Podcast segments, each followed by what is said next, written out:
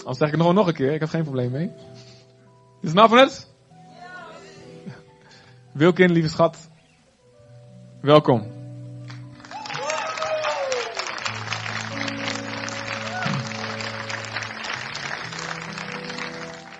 Ja, je moet een stukje, oh ja, je moet, uh, dat is altijd een, uh, een tour om hier te komen.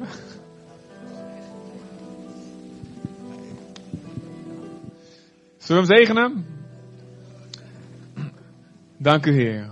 Heer voor uh, deze man van God. Niet een gewone man van God, een superman, een superman van God, Heer zijn. Dank u voor alles wat u betekent voor, uh, voor zoveel van ons. En um, dank u dat u hem gebruikt heeft voor, uh, voor Nederland, Heer. Voor Heer, de, de, de Pinksterkerk, de Evangelische Kerk, ook de traditionele kerken. En voor de vele plekken waar hij dient, Heer. Met, um, met conferenties, met zijn boeken.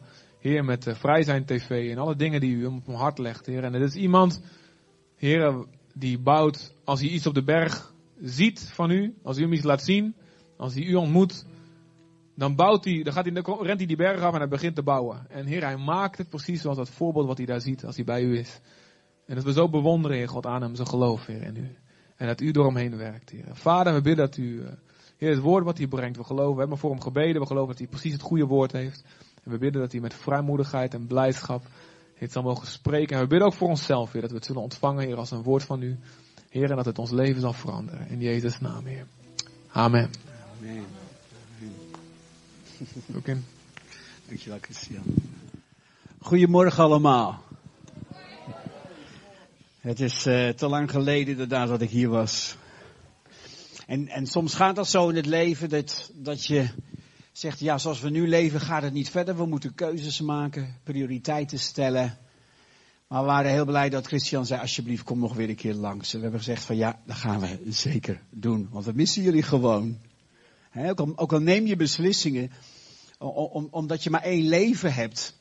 Er zitten maar 24 uur in een dag en maar 7 dagen in de week. En dan neem je het besluit van, jongens, ik moet niet meer op zondag nog in andere kerken gaan spreken. Want meestal vertrekken we donderdagavond en kom ik zaterdagavond terug voor een conferentie. Of soms in het buitenland nog veel langer. En om dan nog op zondag ook weg te zijn.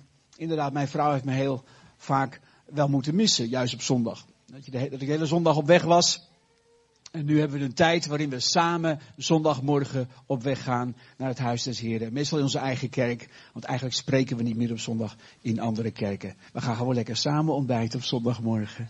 En we gaan samen kerken. En dat hebben we in ons 31, hoe lang zijn we getrouwd? 31 jaar, jarig huwelijk.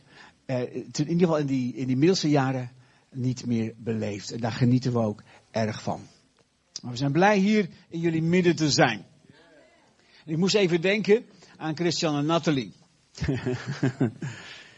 en Paulus die zegt dit in uh, 2 Corinthians 12 vers 12. Een gemeente die hij zelf gesticht heeft. En hij zegt, ik heb de tekenen van een apostel bij jullie gedaan. En dan noemt hij vier dingen.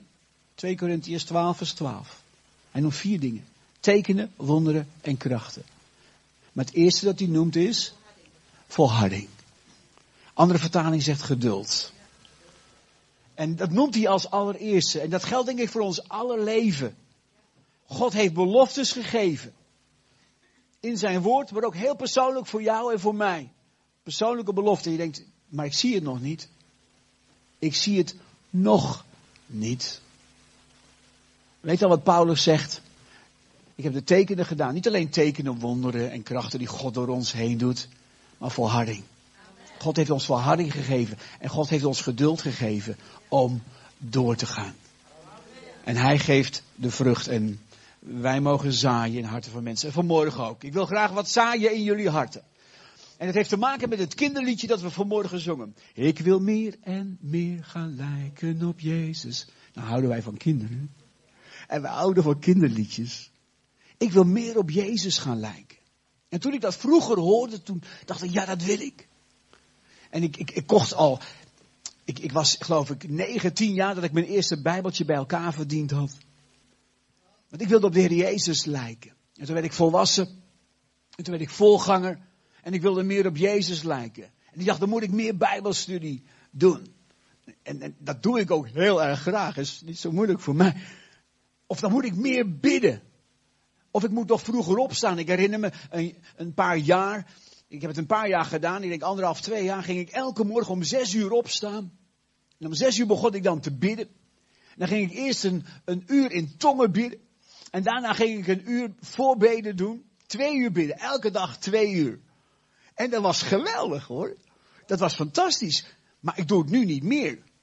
Want voor alles is soms ook een tijd. Voor alles is ook een seizoen. Maar ik heb er wel van genoten. Maar er zijn tussen al die dingen door ook momenten geweest dat ik altijd dacht, ik moet dingen doen, hè. Ik, ik, ik, ik, ik moet, ik, ja, ik moet meer op Jezus gaan lijken. En ik moet dus nog meer mijn best doen om net zo te spreken als Jezus. Johannes zegt, er is nooit een mens die gesproken heeft als deze mens gesproken heeft. Wow, en ik wilde dan weten hoe sprak Jezus en dat wil ik nog steeds weten. Hoe deed hij het? Maar dan zag ik in mezelf eigenlijk zo weinig van Jezus als ik in de spiegel keek. Nou viel het tegen als ik weer eens ongeduldig was. Ik ben van nature zeer ongeduldig. Ja. Dus mensen die met mij moeten leven. Soms denk ik ook van, ga ook eens in mijn schoenen staan. Als je weet hoe ongeduldig ik ben, vind ik dat ik me al behoorlijk beheers. Maar ja, dat, dat denk ik alleen maar omdat ik ongeduldig ben, natuurlijk. Maar dan kijk ik in de spiegel, dan, voel ik me, dan denk ik, ik lijk helemaal niet zoveel op Jezus. En als ik dan de Bijbel lees, dan denk ik, ik lijk in de verste verte niet op Jezus. En toch zegt de Bijbel dat wij meer en meer gaan lijken op Jezus. En dat het ons doel ook is om te lijken op Jezus. En dat we naar Hem toe groeien. En hoe zit het dan? Daar heb ik natuurlijk lang over nagedacht. En ik denk dat ik niet overdrijf, dat ik misschien wel tien jaar langer heb over nagedacht. Wie ben ik nou in Christus? En dat is in de Bijbel een begrip. Wie we zijn in Christus. In Christus. Dat begrip, dat gebruikt Paulus wel meer dan 200 keer. De apostel Paulus. Hij heeft er heel veel over geschreven. En in onze tijd zijn er mannen en vrouwen geweest die erover gepreekt hebben, die er ook boekjes over geschreven hebben. Bijvoorbeeld Neil T. Anderson uit Amerika, Neil Anderson. En, en, en, en we mochten een aantal keren met hem samenwerken. En toen vroeg ik hem, Neil, wat betekent dat nou precies? Ik lees je boeken, maar wie je bent in Christus. Want het muntje is bij mij nog steeds niet gevallen. Ja, dat God van je houdt. Zoals hij van Jezus houdt. Maar dat is mooi. Dat is mooi. Maar volgens mij is het meer dan dat. En toen ben ik de boeken van Neil ben ik gaan doorworstelen opnieuw. En ben ik al die stukken die hij, waarin hij geschreven heeft over wie ik ben in Christus, die heb ik allemaal zo, als het ware, gekopieerd, op een rijtje gezet. En toen dacht ik, nou, daar hou ik een heel boek over. Uh -uh. Ik hield maar een paar A4'tjes over. En die paar A4'tjes hebben zoveel invloed, zoveel impact op mij en miljoenen andere mensen gehad. Dat ik dacht van, hoe is het mogelijk? En ben op zoek gegaan. Ik ben verder op zoek gegaan. En wat anderen geschreven hebben. Maar ik ben vooral gaan bidden. Ik ben vooral gaan bidden. Niet alleen bijbelstudie doen. Ik ben gaan bidden. God laat me zien wat het nou betekent wie wij zijn in Christus. En ik heb er een boekje over geschreven. Een boekje dat het snelst verkocht wordt van al mijn boeken die ik ooit geschreven heb. Binnen een half jaar de derde druk. Ja. En, en, en, en dat betekent, waarom zeg ik dat? Dat heel veel mensen met die vraag rondlopen. Wie ben ik nu in Christus? En leg het me nou eens uit. En toen dacht ik, ik ga er een boek over schrijven. Nou, het is een boekje geworden. Een boekje. 40 hoofdstukjes van 300 woorden. 40 hoofdstukjes, voor elke dag één. En een klein stukje wil ik met jullie delen vandaag. Het kan maar een klein stukje zijn. Over wie wij zijn in Christus. Als je je Bijbel bij je hebt, zoek dan even op. Mijn Bijbel balanceert dan nu even. Ik heb mijn digitale Bijbel meegenomen. 2 Korintiërs 5, vers 17. En dan ga ik het even laten zien. Oh, fantastisch. Ga ik jullie laten zien wat het betekent wie jij bent in Christus. Wat dat inhoudt. Super. Ik lees 2 Korintiërs 5, vers 17. Maar dan lezen we eerst uit de MBG. Nee, het is de MBV, zie ik. Nou, boffen wij even. Daarom ook is iemand die één met Christus is, een nieuwe schepping. Het oude is voorbij gegaan. Zie, het nieuwe is gekomen. Ga even terug naar dat vers. Uh, ga even, ja, laat de MBG maar zien hoor, ook. De NBV spreekt over dat wij één zijn met Christus. NBG zegt wie in Christus is. En dat is eigenlijk de beste vertaling hoor, van de NBG. Oh, gezellig wat het nou. Wordt het nog duidelijker, hè? Wie in Christus is, laat die eerst maar even staan, die is een nieuwe schepping. En het oude is voorbij gegaan en het nieuwe is gekomen. Maar toch, ik heb zoveel gesprekken met mensen gehad. Niet alleen met Neil, ook met leiders uit Nederland, andere internationale leiders. Wat betekent het voor jou wie je bent in Christus? En eigenlijk konden ze het allemaal helemaal niet zo goed zeggen hoor. Dat viel me tegen. Daarom is de NBV-vertaling ook mooi. Laat die maar zien. Daar staat dat we één met Christus zijn geworden. Wie jij bent in Christus, dat betekent dat jij één bent met Hem. En waar heeft Paulus dat vandaan? Nou, dan moet je eigenlijk de Johannesbrief lezen. Het evangelie van Johannes, waarin de Heer Jezus zegt, de Vader is in mij en ik ben in de Vader. En dat noemt Jezus meerdere keren. En Jezus zegt, als je naar mij kijkt, dan zie je de Vader. Ik ben in de Vader en de Vader is in mij. En jullie zijn in mij en ik in jullie. Als je naar Jezus keek, dan zag je de Vader. De Vader en de Heer Jezus waren een volkomen eenheid die niemand verbreken kon. Amen. Maar Jezus zegt nu, door wat ik gedaan heb voor jou, ik heb me volledig één gemaakt met jouw zonde. En jij mag je volledig één maken met wie ik ben. In mijn reinheid, in mijn heiligheid, in mijn rechtvaardigheid, in mijn volkomenheid. Jezus zegt, zoals de Vader en ik volkomen één zijn, zo kunnen jij en ik ook volkomen één worden. En als God er naar jou kijkt, dan ziet hij jou in Christus dan ziet hij Jezus in jou en kan hij zijn ogen niet van je afhouden. Nou, dat wil ik even laten zien vanmorgen. Vers 21 van hetzelfde hoofdstuk, 2 Corinthians 5, vers 21. Het mag best wel de, een nieuwe Bijbelvertaling zijn. God heeft Jezus, die de zonde niet kende, voor ons één gemaakt met de zon. Zodat wij door hem rechtvaardig voor God konden worden. Nou, laat die tekst maar even staan als dat kan. Hier staat dat er twee dingen gebeurd zijn. Jezus heeft ons, is voor ons één geworden met onze zonde. Met onze zonde is hij zondig gemaakt. Jezus koos ervoor om één te worden met onze zondige manier van leven. Onze zondige staat van leven. Maar het tweede stukje zegt, in ruil daarvoor, zegt de andere vertaling, hebben wij deel gekregen aan zijn rechtvaardigheid. Zijn we in hem nu rechtvaardig geworden? Nou, ik ga je uitleggen wat dat betekent. Want heel veel mensen snappen dat niet. Ik, ik moet je zeggen, ik ben zo lang voorganger geweest zonder dat ik het zelf snapte. Maar je gaat zoeken. En wie zoekt, die zal vinden. Antwoorden krijg je niet altijd. Antwoorden moet je vinden. Je moet er naar op zoek gaan. Ja. Daarom geef ik ook nooit altijd meer, niet altijd meer zo snel een antwoord. Ik ga eens maar zelf zoeken. Ga eens maar zelf worstelen. Maar vanmorgen ga ik jullie vertellen wat ik gevonden heb. Oké? Goed. We gaan even iemand uitzoeken die mij, uh, mij kan assisteren. Uh, nummer 132. ja, ik heb nog nooit in een... Ja, wel, ik ben dit vaker geweest. Ja, dat ben jij, jongen. Bingo! Kom eens even hier. Ik vind, als ik aan Jezus denk, dan zie ik jou voor me. Niet omdat je blote voeten loopt, maar omdat je zo heerlijke uitstraling hebt. Ja, hij loopt op blote voeten. En nog even iemand. Um, eens even kijken, wie zal ik erbij halen? Um, eens even kijken. Ik ga op zoek. Nee, ik pak een oude vriend van me, Jin. Kom eens hier. Oh, wel is het 95, Jin? Kom eens hier, kerel. Kom eens hier. We gaan even iets zichtbaar maken. Hi, ik zag je al zitten. Goed je weer te zien. Oké, okay. luister. Hoe heet jij? Martijn. Martijn, want we hebben het niet over nummer 132. Hè? Nee, nee. Martijn en Jin. Oké, okay, jullie gaan even iets zichtbaar maken. Ga maar eens even recht staan voor de mensen. Nee, voor de mensen. Oké. Okay.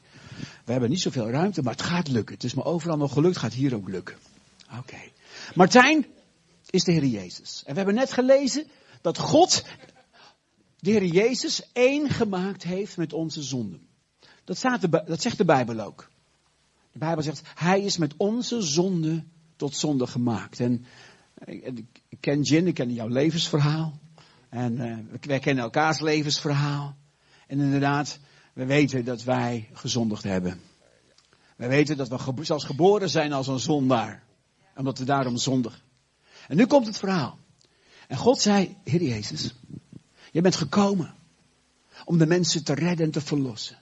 Wil jij de zonde van Jin en van deze, van, van alle mensen in de zaal, ja van de hele wereld, wil jij met hun zonde tot zonde gemaakt worden? Wil jij, mag ik hun zonde op jou leggen? En je, je zult een zonde zien, je zult een zonde horen, je zult een zonde voelen, je zult een zonde proeven en je zult een zonde ruiken. Jij wordt één met hun zonde. Dat is de enige manier om hen te redden van hun zonde. Dat we het van hen afnemen en op jou leggen. Jij zult uiteindelijk sterven, maar je zult hun zonde in het graf achterlaten en opstaan. Dat is mijn belofte. Wat is daarop je antwoord? En weet je wat Jezus zei? Nee. Hij zei nee. In de hof van Gethsemane zei hij, nee vader, neem die beker weg van mij. In Gethsemane heeft hij zo geworsteld. Hij was dodelijk bedroefd, staat er. Hij heeft een strijd gestreden waarvan niemand weet hoe zwaar die strijd geweest is. En hij zei, neem die beker weg van me. Het was niet alleen de beker van het lijden, dat was ook de beker. Zo zijn we destijds ook hier in de gemeente begonnen. Toen ik sprak over het wonder van het kruis, jaren geleden. Nog voor ik het boek geschreven had. Het was niet alleen de beker van het lijden, maar het was de beker die gevuld was met onze zonde. Ja, de zonde van de hele wereld. En toch zei Jezus nee. Alles in hem riep nee. Nee tegen de zonde. God, ik haat de zonde zoals u de zonde haat. Is er geen andere manier om de wereld te redden? En de vader zei, nee Jezus. Er is geen andere manier. Toen zei de Jezus, maar niet mijn wil geschieden, maar uw wil geschieden. En hij heeft bloed gezweten. Hij heeft bloed gezweet. Hij kwam zo, onder zo'n druk te staan dat de poriën in zijn huid, die openden zich en die sluiten zich door de bovenmenselijke druk die op Jezus kwam. Omdat hij de zonde van de hele wereld op zich zou nemen. Hij zou met de zonde van de hele wereld tot zonde gemaakt worden. De man die nooit zonde kende. Die nog nooit de zonde geproefd had. En God heeft hem, die de zonde niet kende, voor ons één gemaakt met de zonde. Met onze zonde. Om ons te redden. En dan moesten engelen uit de hemel komen om de Jezus kracht te geven. Anders had hij het niet gered. Want God doet nooit iets voor niets. En opnieuw houdt God Jezus de beker voor. Jezus wil jij één gemaakt worden met een zonde. Jezus wist, als ik die beker begin leeg te drinken. Dan zal de zonde mijn, mijn leven binnenkomen. Ik zal de zonde, ik zal als, als het ware in een film zitten waarin de zonde van de hele wereld aan mij voorbij komt. Van Kain die Abel doodde. Tot de nationaalsocialisten in Duitsland, de nazi's. Die 6 miljoen Joden, homoseksuelen, zigeuners vergast hebben. Jezus zou het allemaal zien. En weer zegt hij nee. Alsjeblieft. Wil je nooit meer antwoorden als iemand jou vraagt. Wat heeft de Heer Jezus voor jou gedaan? Oh, hij is voor mij naar het kruis gegaan. Punt. Wil je dat nooit meer zeggen? Jezus is met jou en mijn zonde tot zonde gemaakt. En alles in hem zei nee. Dat was zijn natuur, zijn goddelijke natuur, die de zonde haatte. En wij kunnen ons dat niet voorstellen, want wij worden geboren met een zondige natuur. En na drie keer, na drie keer zegt Jezus ja. Niet mijn wil geschieden, maar uw wil geschieden. En toen gebeurde het. We gaan dat zichtbaar maken. Jezus stierf. Jezus is gekruisigd. De Bijbel zegt, zo nam hij onze zonden op zich. Maar luister, niet alleen jouw zonden. Ook, zegt de Bijbel. Ja, gekruisigd worden is zwaar. Maar ik heb een sterke man uitgekozen. Je houdt het wel even vol. niet alleen onze zonde, maar ook de straf op onze zonde. Zijn twee verschillende dingen. Hij nam onze zonde op zich en de straf onze zonde. De macht van de zonde die ons in de greep had. We moesten zondigen, we konden niet anders. Jezus heeft die macht verbroken, zegt Paulus in de Romeinenbrief. En de gevolg van de zonde, de vloek en de dood, eeuwige dood nam hij op zich. De macht van de dood. Paulus spreekt in de Romeinenbrief over de macht van de zonde en de macht van de dood. Kijk naar het kruis. En kijk naar de armen van Jezus. Hij zei, ik neem jullie zonde op me en de gevolgen van jullie zonde, de dood. Maar Paulus heeft zo duidelijk gemaakt dat Jezus niet voor zichzelf aan het kruis hing, maar dat hij in onze plaats aan het kruis hing. Niet alleen in plaats van Barnabas, de drie kruisen, één van de drie kruisen was voor Barnabas. Barnabas bestemd. Barnabas, dat zijn wij. Dat betekent zoon van de vader. De verloren kinderen. Die door een zonde God als vader kwijt waren geraakt. En Paulus zegt in Galaten 2 vers 20, wij zijn met Christus gekruisigd. Ho, ho, ho, ho. Je kan jezelf niet kruisigen. Moet je maar eens proberen. Eén hand gaat nog, maar de tweede. Iedereen doet het bijna. Ja, ja, dat is onze menselijke natuur. Onafhankelijk. We zijn met hem gekruisigd. En we zijn met hem gestorven. Dat zegt Paulus. Weet je, misschien ben jij christen, misschien ben je net christen geworden. Ik zeg je één ding. Het is niet voldoende. Het is niet voldoende dat je gelooft dat Jezus voor jou is gekruisigd.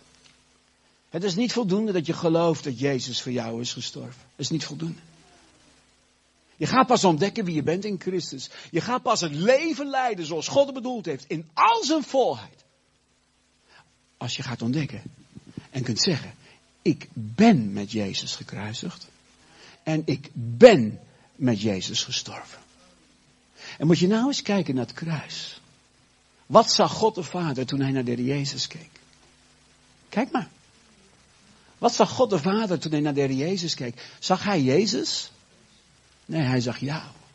Hij zag Jin, hij zag ons. In de eerste plaats. Jezus hing niet voor zichzelf, hij hing voor ons. En toen ze zeiden, hé, hey, als je echt een zo van God bent, kom dan van het kruis af. En weet je waarom hij het niet deed? Omdat hij daar niet hing voor zichzelf, maar voor jou en voor mij. En daarom is hij blijven hangen, wat een liefde. Hij heeft zich één gemaakt met jouw zonde. Hij heeft zich één gemaakt met jouw dood, de straf op de zonde. Maar gelukkig. De Bijbel zegt dat Jezus na drie dagen is opgestaan. En hij kwam uit het graf tevoorschijn. En zijn lichaam was helemaal kapot geslagen. In mijn boek Het Wonder van het Kruis heb ik het beschreven. Je kunt het zien in de film van Mel Gibson, The Passion. En de mensen wenden hun hoofd af als ze naar, naar, de, naar de geesteling van de Heer Jezus kijken. Die geestel van die, van die, die, die flagellum, die roods, Joods, nee, de Romeinse flagellum, de zweep, met twee van die leren riempjes en daaraan de wortelbeentjes van een schaap. En weet je waarom de wortelbeentjes van een schaap? Het was niet zomaar even de zweep erover. Nee, het was zorgen dat die wortelbeentjes in het vlees zouden haken en dan doortrekken en dan doorscheuren. Van boven naar beneden. Zodat er niets meer overbleef. Jezaja heeft het geprofiteerd. Niet meer menselijk was zijn verschijning. Je zag niet meer dat Jezus een mens was toen hij aan het kruis hing. En de mensen keken weg, ze konden het niet aanzien. Maar luister, toen Jezus opstond uit de dood, gebeurde er iets in het graf. Ik weet niet met hoeveel mega wat dat, dat gebeurde. Maar door de kracht van de Heilige Geest veranderde het lichaam van de Heer Jezus. En toen hij opstond, had hij een nieuw opstandingslichaam. Alleen nog de tekenen van de kruising. Als teken van Gods liefde. Wat, wat hij gedaan heeft voor jou. Als teken van de liefde. Die waren nog zichtbaar. En diezelfde Heilige Geest. Diezelfde kracht van de Heilige Geest kan in ons komen wonen. Want Johannes zei, of Johannes heeft opgeschreven, Johannes 3, dat Jezus gezegd heeft, jullie moeten opnieuw geboren worden. Anders kun je het koninkrijk van God niet binnengaan en het koninkrijk van God niet zien. Je moet opnieuw geboren worden. Dat betekent geloven dat Jezus, dat ik met hem gekruisigd ben. Dat ik met hem gestorven ben. Dat hij dat voor mij deed. Om af te rekenen met de zonde. Zodat de Heilige Geest, de Geest van Jezus, in mij kan komen wonen. En dat is de wedergeboorte. En dus een stapje naar voren, Jezus. Dit gebeurt er. Dit gebeurt er. Als wij geloven. Als wij geloven dat Jezus voor ons is gestorven en is opgestaan. Dan gebeurt er dit. Dan komt de geest van Jezus, Handelingen 16 vers 4, noemt de Heilige Geest de geest van Jezus. Ja, dat zou ik ook voor fluiten als ik jou was. Die komt dan in jou wonen. En, en dat is eigenlijk wat Ezekiel, de profeet, al jaren daarvoor geprofiteerd heeft. In Ezekiel 36, vers 26, 27. Ik zal jullie een nieuw hart geven, zegt God. Ik zal jullie een nieuwe geest geven. En dat is gebeurd. Kijk. Nee, Jezus mag blijven staan. Ja, ja, ja. Het wordt wat intiem, maar in Christus zijn is heel intiem. Nee, doe maar niks. Ik laat het zien. Ik help je. Ja. Dan ontvang je een nieuw hart, zegt Ezekiel. Als de Heilige Geest in jou komt wonen, dan ontvang je het hart van Jezus. Als de Heilige Geest in ons komt wonen, dan ontvangen we, ja, Jezus is groot hoor, dan ontvangen we de Geest van Jezus. Het hart van Jezus klopt nu in mij. En de geest van Jezus woont nu in mij. En nu komt het, de geest van Jezus gaat het leven van Jezus in mij leiden. Dat doet hij vanzelf. De geest van Jezus gaat het leven van Jezus in mij leiden. Zoals Jezus keek en zoals hij sprak. Zoals hij geduldig was. Oh, vooral dat. En dat is, zegt Paulus, wie wij zijn in Christus. Kijk, dit zijn wij in Christus. Jezus heeft ons één gemaakt met onze zonden.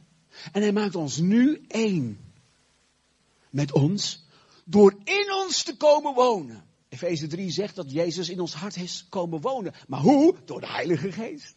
De Heilige Geest is Jezus. De Heilige Geest is Jezus. Hij is ook de Vader. In Johannes 14 zegt Jezus, de Vader en ik, we zullen in jullie komen wonen door de Heilige Geest. Dus de Heilige Geest is de Vader. De geest van de Vader. En de Heilige Geest is de geest van Jezus. En die is in ons komen wonen. En zo zegt Jezus, zo zullen, zal ik helemaal één met jullie zijn. Wie we zijn in Christus betekent, we zijn één met Christus. En als God nu naar Jin kijkt, moet je kijken wat God ziet als hij naar Jin kijkt. Wat ziet hij dan? Wie ziet hij dan? Hij ziet Jezus in Jin. Zie je dat? ik bedoel, Natuurlijk ziet hij Jin ook. Maar hij ziet Jin in Christus. Snap je nu? Hij ziet Jin in Christus. En nu staat er een prachtige profetie in Job 36 vers 7. Job 36 vers 7. Ik denk dat het profetische woorden zijn. En Job heeft het heel moeilijk. Alles is hem ontvallen, zijn vrouw, zijn kinderen. Nee, zijn vrouw niet. Uh, maar wel geestelijk. Als ze zegt, zeg God maar van wel. Maar zijn kinderen en alles wat hij bezat. En dan komen zijn vrienden en dan staat er in Job 36 vers 7, de katholieke Willibrod vertaling. Job, God kan zijn ogen niet afhouden van de rechtvaardige. Hij zet hem als een koning op de troon en hij geeft hem aanzien voor altijd. De Willibrod vertaling. God kan zijn ogen niet afhouden van de rechtvaardige. Wie is er rechtvaardig? De Bijbel zegt niemand. Nou beginnen we. Niemand. Niemand uit zichzelf is rechtvaardig. Niet één, zegt de Bijbel.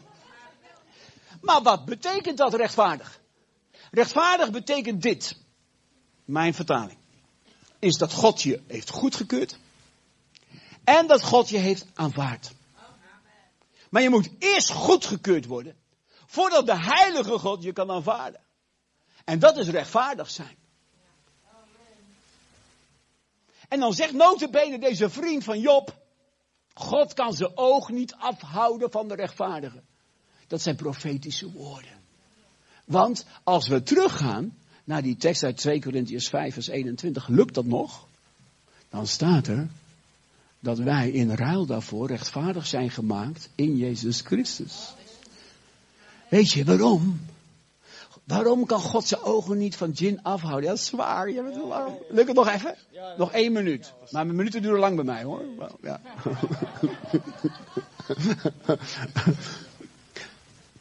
Als God naar Jin kijkt, zegt de Jin, ik zie jou als rein, omdat ik Jezus in jou zie en hij is rein. En God zegt, Jin, ik zie jou als heilig. Als heilig. Ben je, ben je dan zo heilig? Ben je zo heilig? Nou, niet altijd. Ben je dan zo rein? Denk je altijd zo rein? Oh nee, niet altijd. Ja, maar hoe kan dat dan? Maar in Christus ziet God jou als rein en heilig. Omdat hij Jezus in jou ziet. God ziet jou als rechtvaardig. God ziet jou als volmaakt. Omdat Jezus volmaakt is, zo ziet God jou. Nou, geef ze maar even een applausje. Want het was wel heel zwaar in deze warme zaal. Ze zweten allebei als een... Goed zo. Nou, misschien dat jullie straks nog terugvragen. maar snap je, wie jij bent in Christus, heeft te maken dat je een onverbrekelijke eenheid bent geworden met Jezus. Die niemand verbreken kan. Dus wat ben je geworden? Een onverbrekelijke eenheid. Wat ben je geworden? Een? Met wie? Met Jezus. Die niemand verbreken kan. Dat is jouw eeuwige positie in Christus. Dat is jouw eeuwige positie, wie jij bent in Christus. God zegt, man, je bent volmaakt. Niet alleen dat babytje. Niet, alleen Alejandro. Kijk, hij begint al te lachen. Ja. Op het moment dat iemand tot geloof komt in de Heer Jezus. En weet, Jezus is voor mijn zonde gestorven. Is met mijn zonde één gemaakt. Die, die blijft daar niet staan. Want die heeft de Heilige Geest nodig die in hem komt wonen en die zegt. En als God nu naar jou kijkt. Gisteren heb je nog. Nou, van alles uitgevreten. Misschien wel een, een bank beroofd.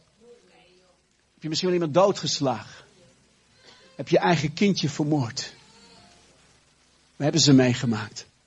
Maar nu zegt God, als ik naar jou kijk. Als ik naar jou kijk zie ik jou als rein, heilig, rechtvaardig en volmaakt. En dit is, luister. Dit is zo'n groot wonder. Want als jij je eigen kindje vermoord hebt omdat je onder drugs was. Dan kan je het niet eens over spreken. Want je veroordeelt jezelf. En je zit in de gevangenis. Ik heb haar ontmoet. In de gevangenis. En dan word je veroordeeld door alle anderen. Die ook in de gevangenis zitten, in de vrouwengevangenis. En als ik dan vraag, kun je me vertellen wat je geheim is? Dan kan ze dat niet. Uiteindelijk schreef ze het op met deze pen. Deze pen heb ik ooit voor mezelf gekocht. Toen ik geloof ik twintig jaar voorganger was. Ik denk, ik moet zelf er maar een feestje voor bouwen. En ik hou van mooie pennen. En ik gaf haar deze pen. Het is geen goedkope pen. Mijn vrouw vindt hem veel te duur. Maar ja, once in a lifetime. En ze begon te schrijven. En de tolk die mij vertaalde begon te huilen. Want ze las wat deze vrouw schreef. Ik heb mijn eigen kindje vermoord. God ziet mij als rein, als heilig, als rechtvaardig, als volmaakt. Ze had al vaak gehoord dat God je zonde wil vergeven. Maar daar blijft het niet bij. God zegt, je mag gaan geloven dat ik zo naar jou kijk. Een homoseksuele man zei een paar maanden geleden tegen mij, Wilkin, als ik weer gestruikeld ben en ik heb weer een filmpje gekeken en mezelf bevredigd. En ik voel me zo smerig en zo vuil daarna. En ik voel me zo onheilig en onrein. Dan zie ik de ogen van mijn vader voor mij. Dan zie ik de ogen van mijn vader voor me. Die teleurgestelde ogen. Ik heb weer gefaald. En dan denk ik dat God ook zo is. Dan denk ik dat God ook zo is. En dan durf ik God niet onder ogen te komen als ik gestruikeld ben. En heel vaak denken mensen, ik ben helemaal niet rein. Ik heb gezondigd. Dus ik ben een zondaar. En zij denken en geloven dat wat ze, wat ze doen, wat ze voelen, dat dat hun identiteit nog steeds bepaalt. Ik zondig, dus ik ben een zondaar. Nou, ik, ik loof een prijs uit voor degene die mij kan laten zien waar in het Nieuwe Testament staat dat wij zondaars nog zijn in Christus. Je mag een week lang naar New York. Je mag een hotel uitkiezen van vijf sterren. Je krijgt een helikoptervlucht over Manhattan. Je mag naar de, nou enzovoort. Je mag het invullen wat je wil. Voor twee personen, heel verzorgd, business class vliegen. Als jij mij kunt laten zien wat de Bijbel zegt dat wij zondaars zijn. In Christus. Ik kan het heel makkelijk uitloven. Want er is niemand die me dat kan laten zien. Want de Bijbel zegt dat wij, bijvoorbeeld de Romeinen 1 7, geroepen heiligen zijn. Maar durf je dat te geloven, dat God zo naar jou kijkt? Daarom Matthäus 3. Als je het hebt, bij je hebt, zoek het eens even op. Matthäus 3. Ik ga het niet voorlezen, ik ga het vertellen. En dan staat de Heer Jezus. Dan staat dat de Jezus naar Johannes de Doper komt in de Jordaan. En Johannes de Doper, hij doopt de mensen in de rivier de Jordaan. En dan gebeurt er het volgende. Dan ziet hij dat Jezus komt. En hij ziet Jezus aankomen lopen. En dan zegt hij iets. Waarvan wij denk ik nog niet eens begrijpen wat hij zegt. En dan zegt hij. Zie het lam van God. Dat de zonde van de wereld wegneemt. Dat is wat, wat, wat Johannes zegt. Kijk eens, hij is het lam van God. En hij zal de zonde van de wereld wegnemen. En als je gezondigd had in Israël. En als je flink gezondigd had, zoals deze vrouw in de gevangenis.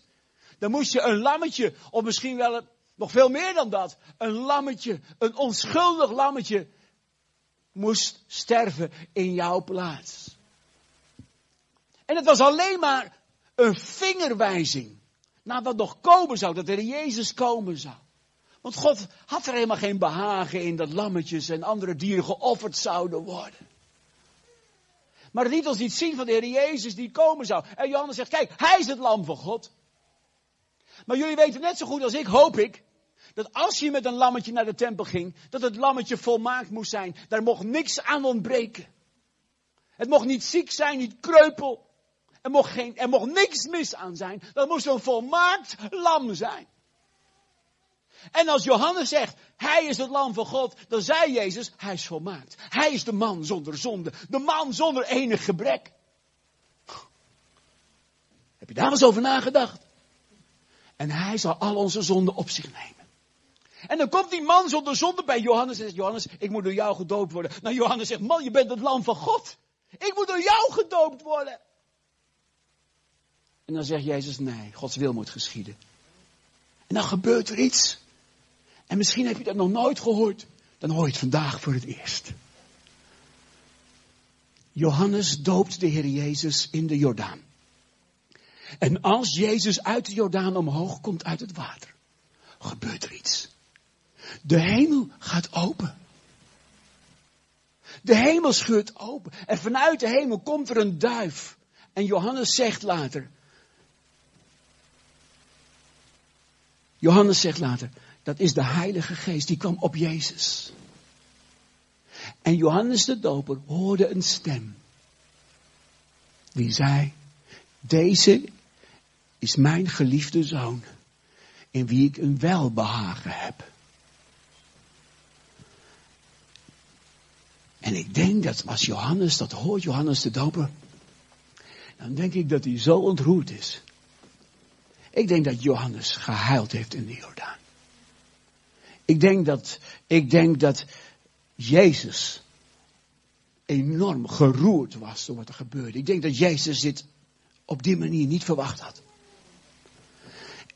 In totaal heeft Jezus drie keer, we gaan het niet lezen, maar drie keer gehoord in de Jordaan, op de berg van de verheerlijking en op het tempelplein, diezelfde stem, jij bent mijn geliefde zoon, in wie ik welbehagen heb. Drie keer, is ook niet voor niks. Zou ook een preek op zich zijn. Maar ja, daar hebben we hebben wel genoeg preken. Maar waarom is Jezus geroerd? Waarom is Johannes geroerd? Omdat ze allebei 30 jaar oud waren. Ze waren allebei 30. En 30, dat weten wij vaak niet. De, voor, voor, voor een eerstgeborene, en Johannes de Doper en de Heer Jezus waren allebei de eerstgeborenen in het gezin. Is dat een hele belangrijke leeftijd? Want de eerstgeborene zou door de familie afgestaan moeten worden. Om priester te worden in de tempel. Maar dat komt pas als je 30 jaar oud was. Dus dat maakt het al heel bijzonder. En het tweede is, op 30-jarige leeftijd vond er een, in Joodse families een bijzonder ritueel plaats voor de eerstgeborenen. Dan ging de vader, als hij nog in leven was, naar zijn zoon toe, die 30 jaar was geworden. En dan omarmde hij hem of hij legde hem de handen op en dan zei hij deze woorden. Jij bent mijn geliefde zoon in wie ik een welbehagen heb. En weet je waarom een vader dat deed? Omdat hij hem daarmee in het zoonschap aanstelde. Hij was niet een kind van de vader, hij werd nu de zoon des huizes. De eerstgeborene, die een dubbel deel van de erfenis zou krijgen. Die stamhoofd zou worden. Hoofd van een hele nieuwe familie. Die de lijn van God van generatie op generatie zou doorzetten. Snap je het nu? En God in de Vader zegt tegen de Heer Jezus, jij bent mijn geliefde zoon. In jou heb ik een welbehagen. Dat moet de Heer Jezus ontroerd hebben. Dat moet Johannes ontroerd hebben. Waarom? Omdat hun beide vaders met vrijwel grote zekerheid allebei al overleden waren. Johannes de Doper, zijn vader was al op hoge leeftijd toen hij geboren werd. En de theologen zijn het erover eens dat de Heer Jezus, toen hij 30 jaar was, vaderloos was. Dat zijn vader Jozef al gestorven was. Dus met vrijwel grote zekerheid kunnen we zeggen dat zowel de Heer Jezus als Johannes de Doper nooit gehoord hebben. Jij bent mijn geliefde zoon. In wie ik een welwagen heb. De aardse vader van Jezus kon dat niet zeggen. Maar dan gaat de hemel open en de Heilige Geest komt. De gedaante van de duif. En Jezus hoort die stem. Jij bent mijn geliefde zoon. In wie ik een welbehagen heb. Welbehagen is een oud woord. Dat is een heel oud woord. Dat zegt ons niks. Maar dat betekent letterlijk. Ik geniet van je. Dat zegt God. Ik heb vreugde in jou, Jezus. Dat is wat God zegt. En nu komt het. Johannes staat naast de Heer Jezus in de Jordaan. En hij hoort wat God zegt tegen Jezus.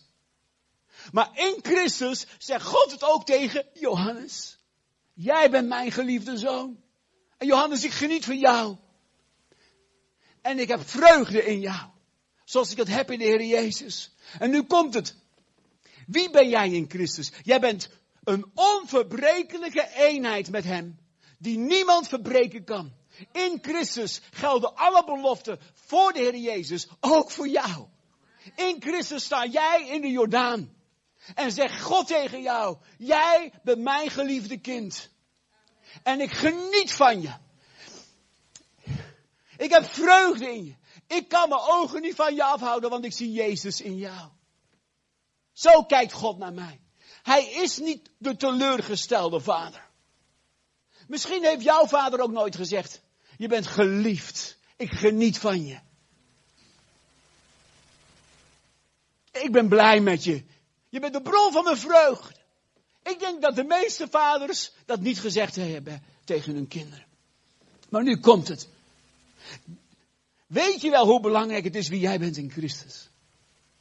Dat in Christus God zegt tegen jou, jij bent mijn geliefde dochter. Ik geniet zo als ik jou zie.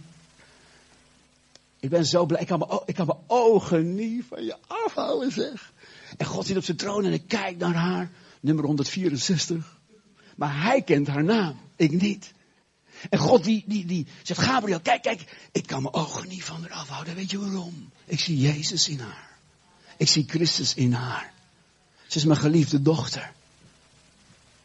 Wauw. En tot slot, de laatste. Die, ik, want ik wil jullie een paar van die pareltjes wilde ik jullie geven. Dat is Hebreeën 10, vers 14. En vertaling. Misschien kun je dat even laten zien. Hebreeën 10, vers 14.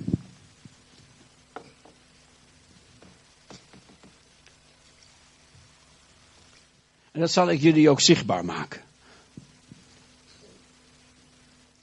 Staat hij er al? Want door één offerande, door één offer, heeft God voor altijd, zeg eens voor altijd, hen volmaakt die geheiligd worden. Hier staat dat God voor altijd jou geheiligd heeft jou, uh, sorry, jou volmaakt heeft. Door één offer. Door één offer. Heeft God jou volmaakt. En dat hebben we gezien. Jezus heeft zich één gemaakt met jouw zonde. En jij mag je nu één maken met hem. Want zijn geest komt in jou wonen. En je bent dan, wat ben je geworden? Een on, een onverbrekelijke. Dat, dat, dat, dat moet er even ingeslepen worden. Wat ben je? Een on. Die niemand verbreken kan. Want wat staat er? Voor altijd ziet God mij nu als volmaakt. Als hij naar mij kijkt, ziet hij mij als volmaakt. Waarom? Omdat hij Jezus Christus in mij ziet. Ik zal je laten zien. Niet omdat ik het warm heb, zoals Jin en Martijn, maar omdat ik een verborgen boodschap heb vandaag. En die ga ik even onthullen. Het is niet een uh, Chinese menukaart. Zo van een chapchoy met veel sambal erbij of zo. Maar het is wel een Chinees woord, zie je het? Dit is een Chinees woord. En dit is het Chinese woord, ik zal wat naar achter gaan, dat iedereen het goed kan zien. Kan je het zien? Dit Chinese woord betekent volmaakt. En weet je, het Chinees is al meer dan 4000 jaar oud. En het is geen, tekenschrift, het is geen uh, uh, schrijfschrift zoals wij dat kennen, maar een tekenschrift van symbolen. En dit woord betekent volmaakt. En je vindt het evangelie van wie jij bent in Christus in dit Chinese woord. Of je het gelooft of niet, maar je gaat het geloven zo meteen. Het Chinese schrift is 4000 jaar oud. En er zijn mensen die zeggen, het is heel aannemelijk dat de Chinezen en de Joden dus gezamenlijke wortels hebben. Want heel veel woorden in het Chinees, in heel veel woorden, vind je in de symbolen het evangelie van God en van de Heer Jezus terug. Nou, ik ga het je laten zien. Het betekent volmaakt. Je kunt ook zeggen perfect. Dus als jullie naar mij kijkt, als jullie naar mij kijken, wat zien jullie dan? Ja, hoe kijk je naar me? In Christus of in mezelf? Hey, goed. Volmaakt. Het onderste woord is zwart. Althans, hoort zwart te zijn. Dus wat groen uitgevallen hebben ze me verteld, maar een woord zwart te zijn. En dat is het Chinese woord voor mens. En ik heb het speciaal zwart laten afdrukken. Weet je waarom? Omdat het Chinese woord voor mens eigenlijk uit twee symbolen bestaat. Het ene is hand en het andere is wapen. Hand met een wapen. Op hete daad betrapt. De mens is schuldig. De mens is zondig. En dan denk je, hoe kan het Chinese woord voor volmaakt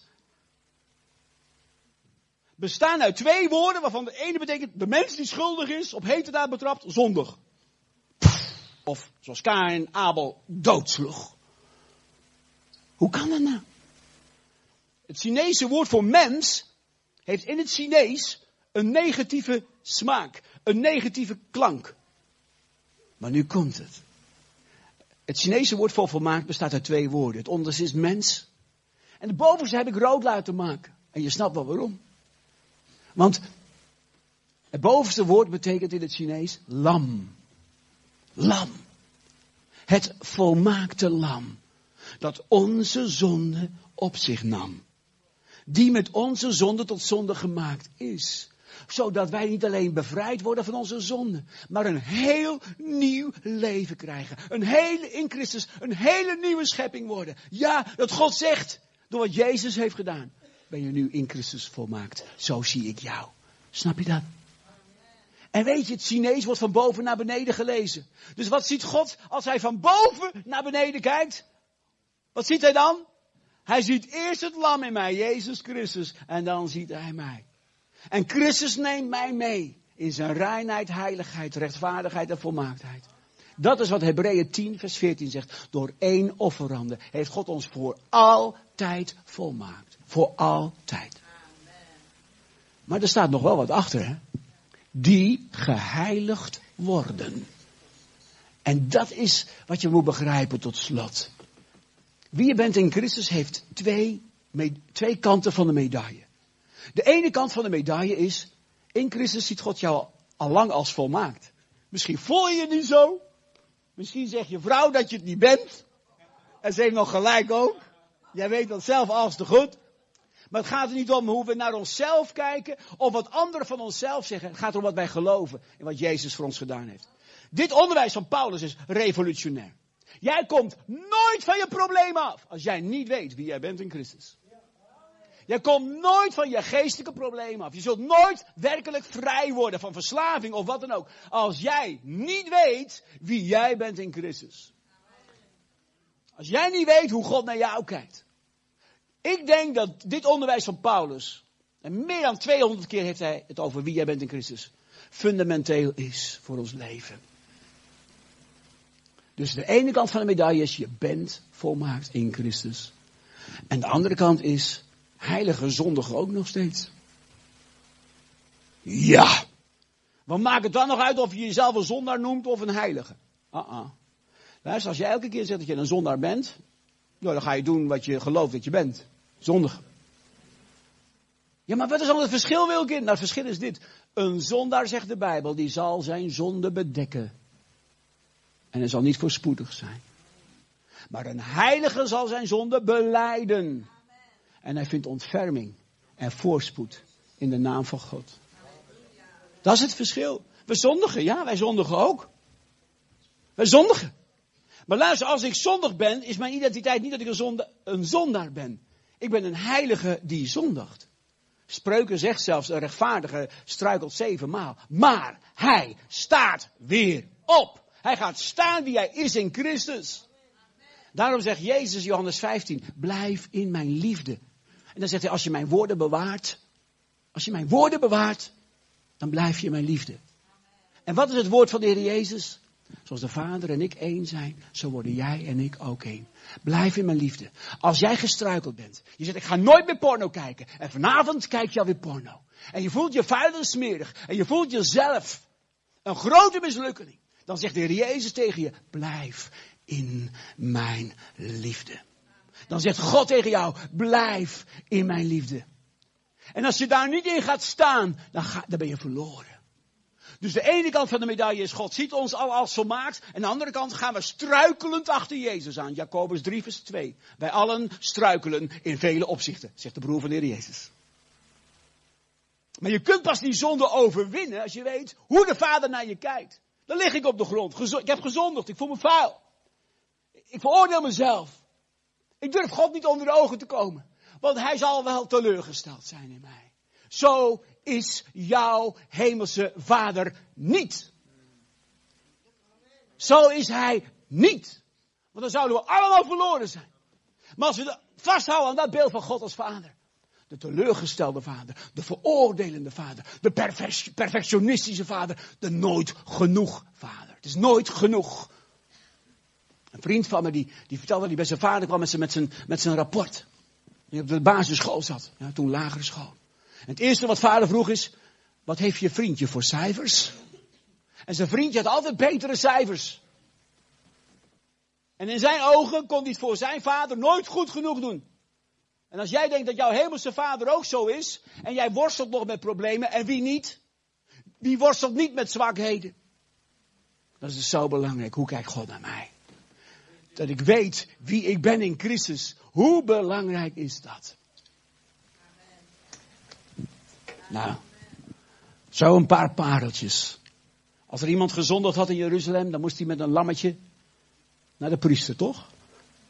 Of met twee duifjes. Als je flink gezondigd had, een lammetje. En dan zeiden de mensen, zie je dat? Hij loopt met een lammetje. Christian loopt met een lammetje. Wat is er gebeurd? Hij, hij, loopt niet met twee duifjes.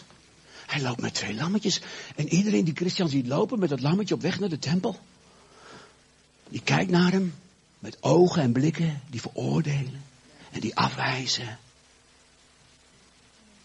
En, en, en Christian die gaat steeds langzamer lopen en hij slaat zijn ogen neer. Hij schaamt zich. Hij gaat gebukt onder schuld, schaamte, veroordeling van mensen, zijn eigen veroordeling. Maar hij weet, ik moet naar de tempel. En hij gaat naar de tempel met het lammetje. En dan komt hij bij de priester. En die priester kijkt heel anders dan alle andere mensen in Jeruzalem. De priester kijkt niet naar de man met het lam. Hij kijkt niet naar de man die gezondigd heeft. Hij kijkt niet naar zijn kleding of die gescheurd is of vuil. Hij kijkt niet of die gewassen is of, of, of, of ongewassen. De priester kijkt maar naar één ding. Hij kijkt naar het lam. Hij kijkt naar het lam. En hoe kijken wij naar de mannen en vrouwen in Zutphen, Warnsveld en alle mensen die hier wonen? Hoe kijken we naar hen? Kijken we de ogen van de Heer Jezus naar hen? Dat God zegt, ik heb hem lief. Ik heb een plan met hem. Of veroordelen wij? Als jij weet wie je bent in Christus, zul je nooit meer oordelen. En als je het doet, dan struikel je. En dan beleid je je zonde. Maar je zegt, ik wil niet meer oordelen. Ik wil lief hebben, zoals Jezus lief had. Zodat mensen kunnen komen. Maar vandaag mag jij komen. Zullen we samen gaan bidden? Zullen we gaan staan?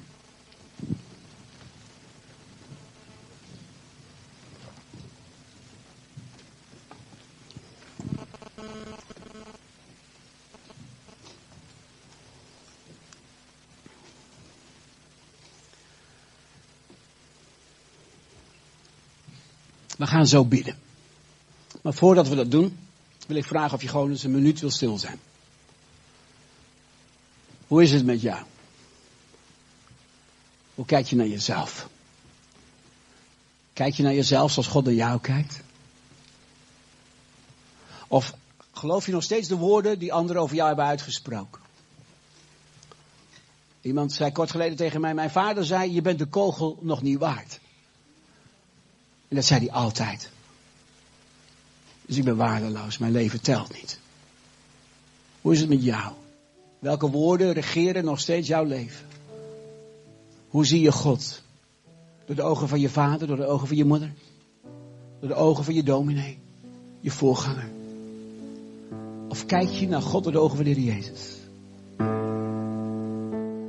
Maar ook vraag ik je, hoe kijk je naar andere mensen? Door je eigen pijn heen, door je eigen teleurstelling? Ik ben begonnen met 2 Corinthians 12 vers 12. En luister goed. Teleurstelling maakt deel uit van je leven. Teleurstelling maakt altijd deel uit van je leven. Volhard en heb geduld.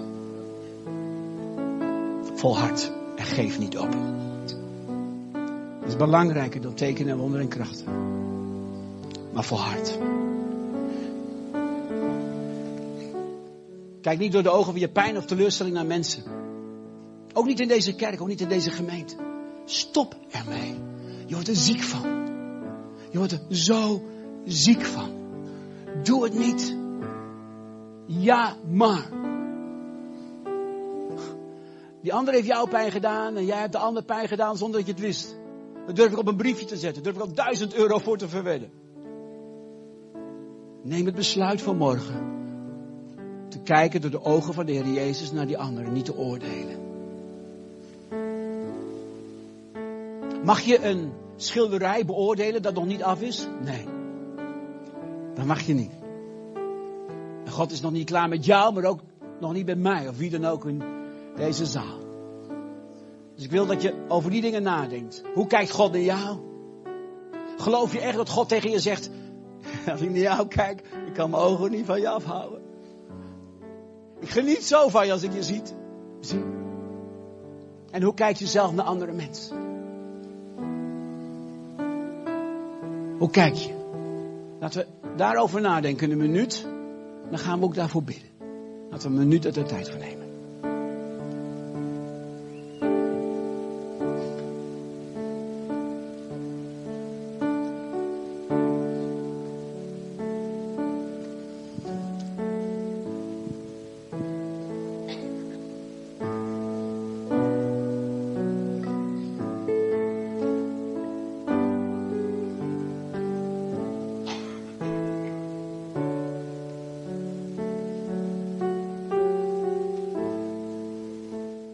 Dank u wel, Heer Jezus, voor wie u bent en wat u hebt gedaan. Dank u wel. En help ons, Heer, om vandaag te geloven wie wij zijn in u, Heer Jezus. Help ons erbij. We gaan twee gebeden uitspreken. We doen het gewoon als hele gemeente. Iedereen wil ik vragen het mee te bieden. Misschien zeg je, man, ik weet wel wie ik ben in Christus. Mooi zo. Geniet ervan. Vertel het verder aan de mens om je heen. Maar waarom gaan we het allemaal uitbieden? Wij willen niet zijn als de mensen in Jeruzalem. Oh, wie steekt er nu zijn hand op? Oh, Christian met een lammetje. Wat zou die gedaan hebben? Dat willen we niet. We dragen elkanders lasten. En we zijn gelijk. We gaan naast elkaar staan. Dus daarom wil ik jullie vragen deze twee gebeden ook met mij te bieden. Het eerste gebed dat we echt zeggen, Heer Jezus, ik geloof in u. Dat u voor mijn zonde bent gestorven en één geworden bent. Maar ook het gebed dat we bidden. Elk afgodsbeeld dat ik gemaakt heb van God. Bijvoorbeeld de teleurgestelde vader, de perfectionistische vader. De het is nooit genoeg vader. Daar neem ik vandaag afstand mee van. Dan gaan we ook bidden in het eerste gebed. In het tweede gebed gaan we bidden dat we zeggen, ik neem vandaag een besluit. Om niet meer door de ogen van mijn pijn of teleurstelling naar mensen te kijken. Maar door de ogen van de Heer Jezus. Als God door de ogen van de Heer Jezus naar mij kijkt, dan wil ik door de ogen van de Heer Jezus naar mensen kijken. Help me daarbij, God. En dan mag je leren. Je zult er heus nog wel eens in struikelen hoor. Maar dan ga je weer terug en zeg, Heer Jezus, dit wil ik. Zullen we het samen bidden? Doen we eerst het eerste gebed. Bid mij maar na, hardop, luid en duidelijk, zoals we het gewend zijn in Zutphen. Zeg maar, Heer Jezus, dank u wel voor wat u hebt gedaan voor mij. U bent een man zonder zonde. En u hebt ook mijn zonde op u genomen. Met mijn zonde bent u tot zonde gemaakt. U hebt u één gemaakt met mijn zonde. Ik geloof dat u bent gekruisigd en gestorven in mijn plaats. En vandaag beleid ik dat ik met u ben gekruisigd. Dat ik met u ben gestorven. En dat ik met u mag opstaan in een heel nieuw leven. Dank u wel dat u mij vanmorgen hebt laten zien wie ik ben in Christus. En uw geest komt in mij wonen. En dank u wel, Vader, dat als u naar mij kijkt, u uw ogen niet van mij af kunt houden. Omdat u Jezus in mij ziet. Dank u wel, Vader. En elk beeld van u, Vader in de hemel, dat niet overeenkomt met wie Jezus heeft laten zien dat u bent. Heer, ik bekeer me daarvan. Dit afgodsbeeld mag u verbreken in mijn leven. Ik neem afstand van de teleurgestelde vader. De perfectionistische vader. De het is nooit genoeg vader. En ik herken u als mijn vader. Die tegen mij zegt. Jij bent mijn geliefde kind. Ik geniet van je. Ik ben blij met je. Ik kan mijn ogen niet van je afhouden. Kom Heilige Geest. Wilt u deze woorden opnieuw spreken in mijn hart. Elke dag opnieuw. In Jezus naam. Amen. Amen. Wie zegt, ik heb dit gebed eigenlijk voor het eerst zo uitgesproken. Op deze manier heb ik nog nooit uitgesproken wie ik ben in Christus. Steek je hand eens omhoog. Zeg van dat was voor mij de eerste keer met je kijk. Wat bijzonder. Dankjewel dat je het ook zo wil laten zien. En de anderen die hun hand niet omhoog durfden te steken. Mooi dat je het gedaan hebt. We gaan ook het tweede gebed doen.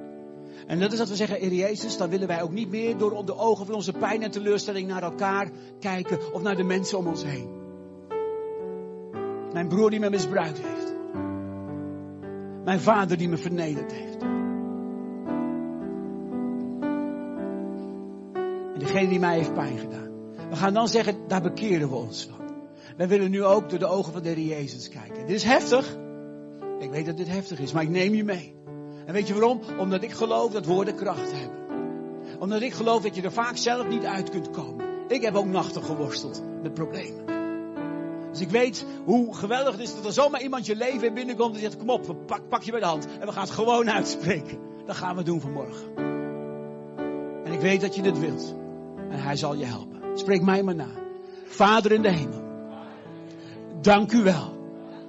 Dat u door de ogen van Jezus naar mij kijkt. En u van me houdt. U ziet mij nu als rein. Omdat u Jezus in mij ziet. U ziet, nu, u ziet mij nu als heilig. Omdat u Jezus in me ziet. Vader, u ziet mij nu als rechtvaardig. Omdat u Jezus in mij ziet. Vader, u ziet mij nu als volmaakt. Omdat u Jezus in mij ziet. Dank u wel, Vader. Dat u door de ogen van Jezus naar mij kijkt. En vandaag neem ik het besluit. Dat ik niet langer door de ogen van mijn pijn. Door de ogen van mijn teleurstelling. Wil kijken naar andere mensen. Help mij, Heer Jezus, door de kracht van de Heilige Geest. Om door Jezus naar mensen te kijken. En dank u wel. Dat ik dit elke dag mag bidden. En u mij zult helpen. Hen te vergeven. Die mij hebben pijn gedaan. Elke dag opnieuw. En ik zal gezond worden. Ik zal gezond worden. Mijn hart, mijn ziel, mijn geest, mijn lichaam zal gezond worden. En ik ga steeds meer op Jezus lijken. Zeg dat laatste nog eens. Ik ga steeds meer op Jezus lijken. Amen. Zullen we Jezus daarvoor een applaus geven? Wauw. Ik heb een klein cadeautje voor jullie meegenomen. Dat is deze kaart. Deze menukaart. En daarin vind je die tekst uit Hebreeën 10, vers 14. Met een korte beschrijving ook. Van wat ik hier ook verteld heb. En die ligt op de. Waar was het, uh, Johan? Op de. Op de koffietafel. Oké. God zegen jullie allemaal.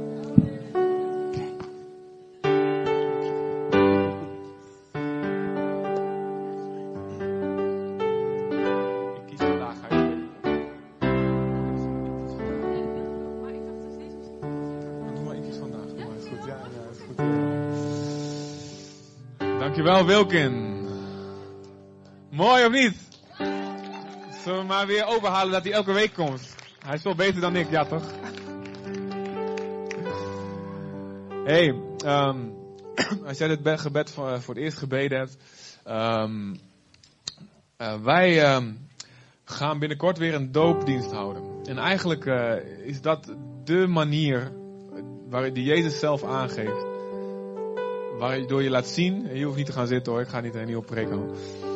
Waardoor je laat zien, dit is hoe ik één word met Jezus. Ik ga onder in dat water. Ik word begraven. En zoals Jezus, ik vereenzelvig me helemaal met zijn dood, met dat sterven. Wat Jin en Martijn, wat, wat, wat, wat Wilke net heeft laten zien aan hun, eh, door hun heen. Dat is wat je doet met dopen. Nou, we hebben er niet, al eentje binnengesleept. Maar ik weet dat er meer mensen zijn. Je hebt eigenlijk, je volgt Jezus al, je hebt die keuze al gemaakt. Um, of je hebt vanochtend dat voor het eerst gemaakt. Ik wil je uitnodigen van harte om te zeggen: ja, ik laat me dopen. Ik ga dat avontuur in. Ik ga onder, plons. En ik weet niet hoe ik boven kom, maar ik ga God daarvoor vertrouwen. Wat voor mens Hij van me gaat maken. Eigenlijk het hele verhaal wat Wilke net beschreven heeft. De reactie daarop, als je nog niet gedoopt bent, is te zeggen: ja, ik ga hiervoor. Ik wil helemaal achter hem aan en ik wil worden wie ik ben in Christus. Is er iemand die nu al zegt, je mag het straks nog wel laten doen hoor, maar ik vind het leuk om het ter plekke een beetje los te maken. Maar is er iemand die nu zegt van ja, ik ben er al helemaal van overtuigd, ik ben nog niet gedoopt en ik wil me laten dopen. Wie wil dat nu met iedereen die naar je kijkt? Niet met de ogen van veroordeling, maar we worden er echt heel blij van. En zeggen ja, dat wil ik doen. Laat me even zwaaien. Laat me even zien.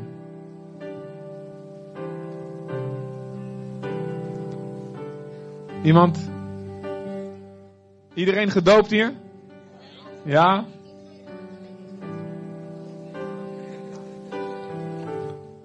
Yes, Maran, yes. Heel goed, jongen. ik had hem al gesproken. Vanochtend, heel goed.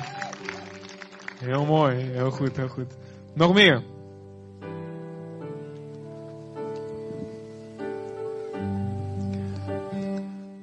Sluit de dienst wat af als we, als we er vijf hebben. Nee hoor.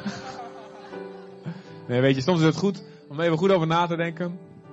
Uh, het kan zijn dat je nog niet gedoopt bent. Het kan zijn dat je, als, dat je ouders je als kind gedoopt hebben. En uh, nou willen we daar uh, helemaal niks slechts over zeggen. Want dat is wat ouders doen.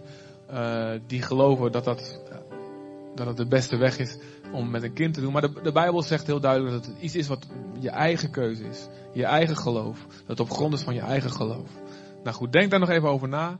En meld je heel snel heel snel eventjes, eh, doe maar even bij mij. De infotafel is er niet vandaag. Doe maar even bij mij.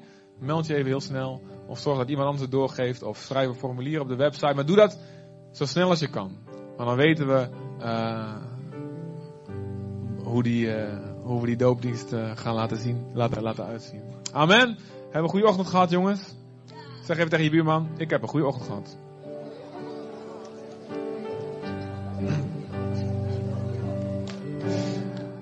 Zullen we staan? Zullen we dit laatste lied zingen?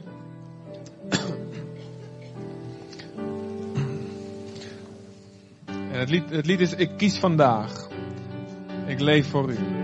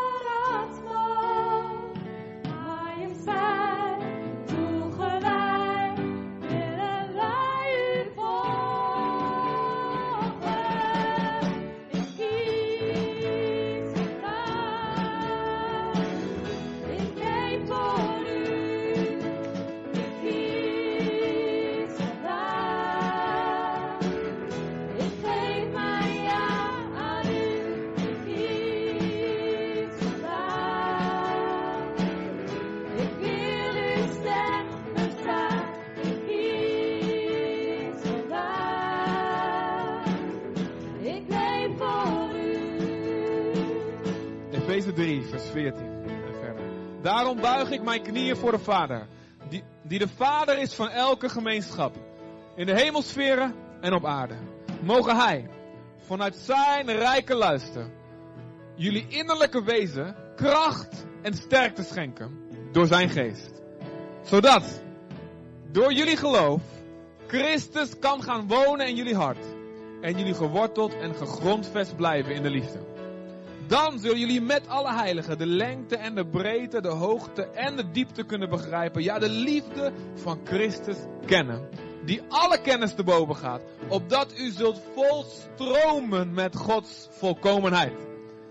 Aan hem die door de kracht die in ons werkt bij machten is oneindig veel meer te doen dan wij vragen of denken. Aan hem komt de eer toe. In de kerk en in Christus Jezus. Tot in alle generaties. Tot in alle eeuwigheid. Amen. Amen. Als je klapt voor God moet je goed klappen.